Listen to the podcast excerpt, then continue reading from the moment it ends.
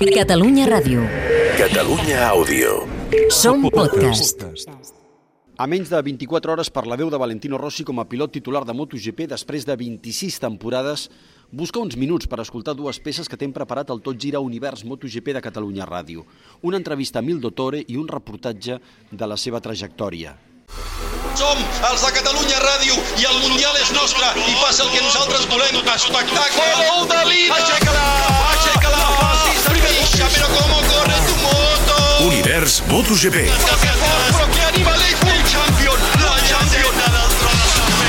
Univers MotoGP.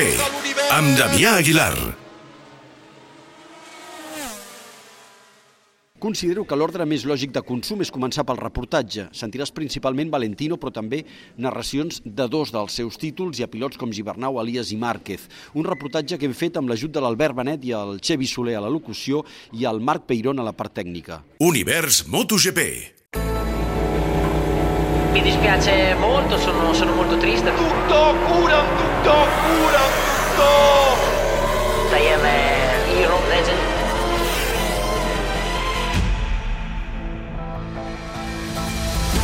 Valentino Rossi marxa un mite, 26 anys de carrera esportiva, 9 títols, 115 vittories i un gran llegat. Valentino, el pilot del poble. Sono sempre stato molto supportato dal, dal pubblico, dalla, dalla gente del bar che guarda le gare. Quello mi ha sempre dato una grande forza e mi ha sempre fatto pensare che comunque quello che stavo facendo era il giusto, che dovevo continuare così. Questo mi ha sempre dato una grande, mi ha fatto sempre molta compagnia. Valentino Rossi va néixer a Urbino el 16 de febrer de 1979. De petit, Valentino comença amb els cars, però de seguida es passa a les minimotos i fa tot el procés fins a debutar al Mundial el 31 de març de 1996 al circuit malaisi de Shah Alam. Aquella primera temporada és irregular, moltes caigudes. El seu equip li planteja un ultimàtum i reacciona. Just després guanya la primera cursa a la República Txeca amb l'Aprilia. El 1997 serà campió. L'escenari torna a ser la República Txeca. Tenia 18 anys i es disfressa de Robin Hood. They're out of the last corner. They're going all over the place. Galvini going backwards away to get the win.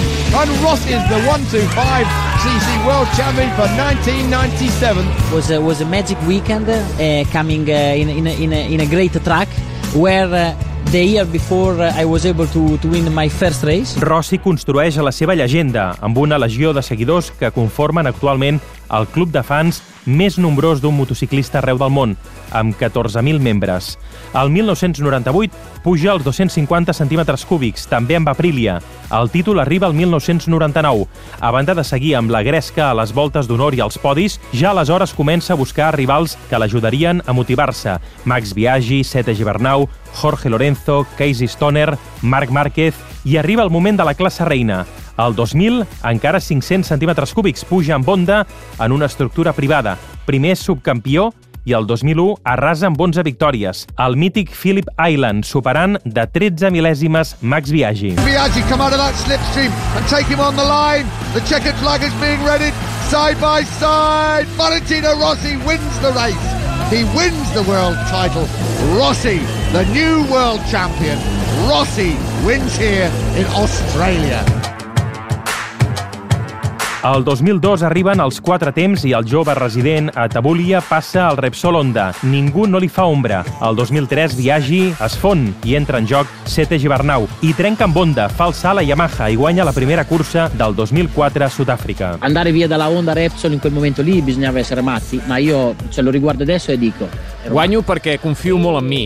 Marxar d'Onda aleshores era de bojos. De fet, vaig ser boig, però no suportava els que deien que guanyava per la La moto. gente che diceva che io vincevo perché avevo la Honda. El 2004 trenca l'amistat amb Sete Gibernau, l'acusa de conspirar contra ell. Yo entiendo un, un momento de calentura de, de una última vuelta y puedo llegar a entender todo y lo que nunca voy a entender es la pérdida, la- el perder el respeto. Eso, es lo, eso es lo único que nunca se puede hacer. El 2006 es trenca la ratxa en benefici de Nicky Hayden per aquells 5 punts que Toni Elias li va prendre al Gran Premi de Portugal. Justament aquella carrera el Valentino estava aparcat del motorhome, motorhome, motorhome, estava al costat. Va obrir la finestra i va dir, Toni, va per culo, cabron, no sé què.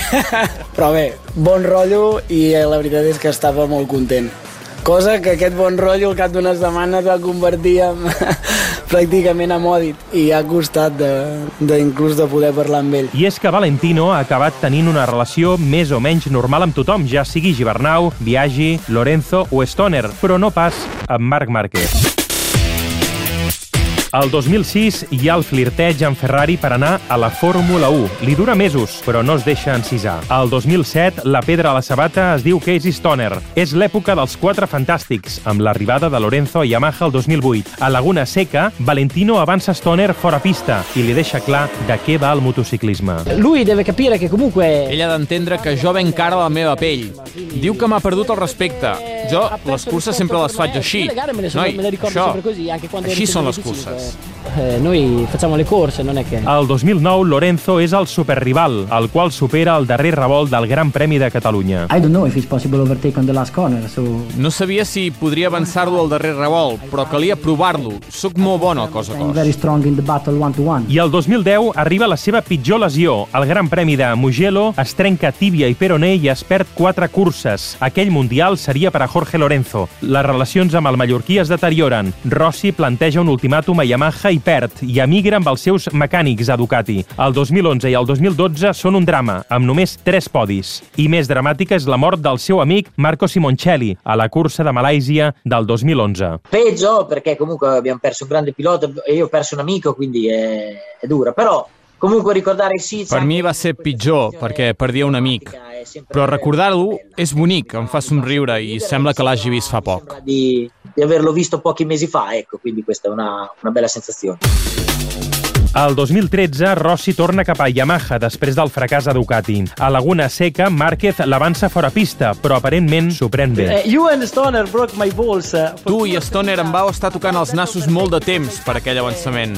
Ara què hem de fer?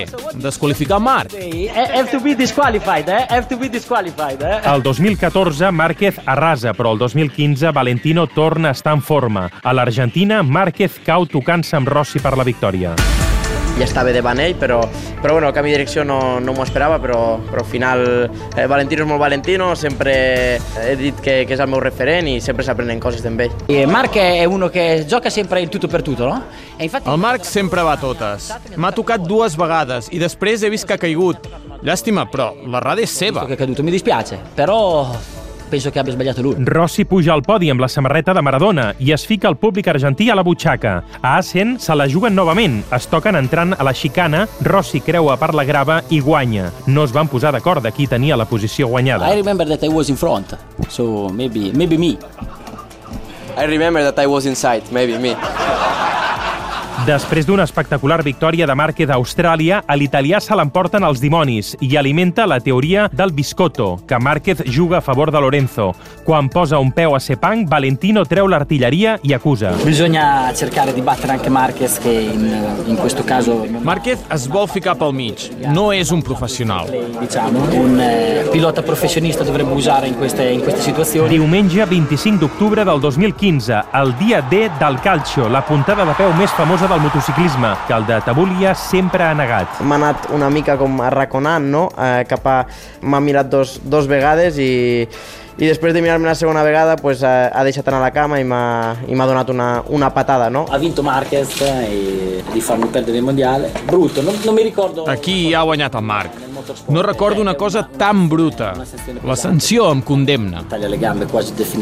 Queda una cursa. València i Valentino haurà de sortir sancionat. L'italià esclata i acusa Márquez de protegir Lorenzo perquè guanyés el campionat. Questo è stato un biscottone calcio ma di basso livello. M'han fet una ensarronada, a l'estil futbol, però de nivell baix. Hi ha un que s'ha volgut revenjar de mi personalment. Molt. È abbastanza brutto. Jorge Lorenzo es proclama campió, però Yamaha és un funeral. La mala relació entre Il Dottore i el tro de Cervera canviaria amb la mort de Luis Salom durant el cap de setmana del Gran Premi de Catalunya el 2016.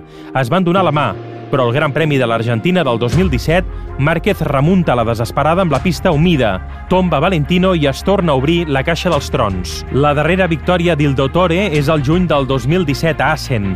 El 2020 fa el seu darrer podi a Jerez i després passa la Covid i acaba 15è de la General. El 2021 anuncia la retirada després de les vacances. Té l'espina clavada del desè títol.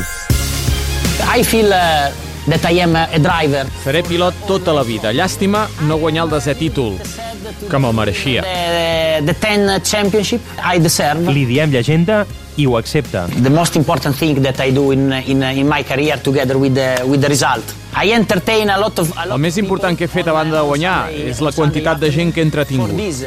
That I am, a, cosa hai detto prima, a, a hero, legend, you said, legend maybe, legend. Rossi, amb 42 anys i a les portes de la paternitat, se'n va, però no lluny. Continuarà lligat al paddock. El seu llegat és ingent. Seguidors arreu del món i una acadèmia de pilots, amb quatre exemples a MotoGP. Pecco Bagnaia, Franco Morbidelli, Luca Marini i Marco Bezzecchi. I un equip propi a MotoGP i un a Moto2. A València, la seva darrera cursa, una graderia plena a vessar crida el seu nom.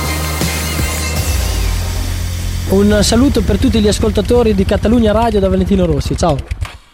T'ha agradat el reportatge? Espero que sí. Ara l'entrevista. És un cap de setmana frenètic per Rossi i et puc assegurar que es percep el cansament mediàtic que arrossega, però no roba ni un somriure a ningú, encara que per dins la cosa pugui anar diferent. Què li preguntaries a Valentino Rossi que no li hagi preguntat mai ningú o que no li hagi preguntat ningú aquest cap de setmana? Aviam si t'agrada. L'Ernest Macià m'ha ajudat amb la traducció. Valentino, bona tarda. Ciao. Tu marxes o has de marxar? Sì, sì, avevo, ho provato a correre quest'anno perché... He provat a córrer aquest any perquè he vist que hi havia canvis al meu equip i volia veure si podia ser més competitiu. No aspirava a guanyar el Mundial, però almenys pensava estar una mica més endavant i quan m'he adonat que m'estava costant més el previst, doncs he decidit deixar-ho. E quindi quando, quando invece ho capito che, che, è stata, che, era, che era più dura del previsto ho deciso di smettere. Llegar hasta los 42 estaba previsto en algún momento, 42 años corriendo. Ah, Cuando tenías 25 pensabas en 42, cuando tenías 35. Non, eh, sinceramente non mi sono dato mai una... Sincerament no m'he donat mai un límit d'edat. Si fa dos anys em dius de deixar-ho, et dic que no, impossible. Però amb 42 anys ja sóc més gran.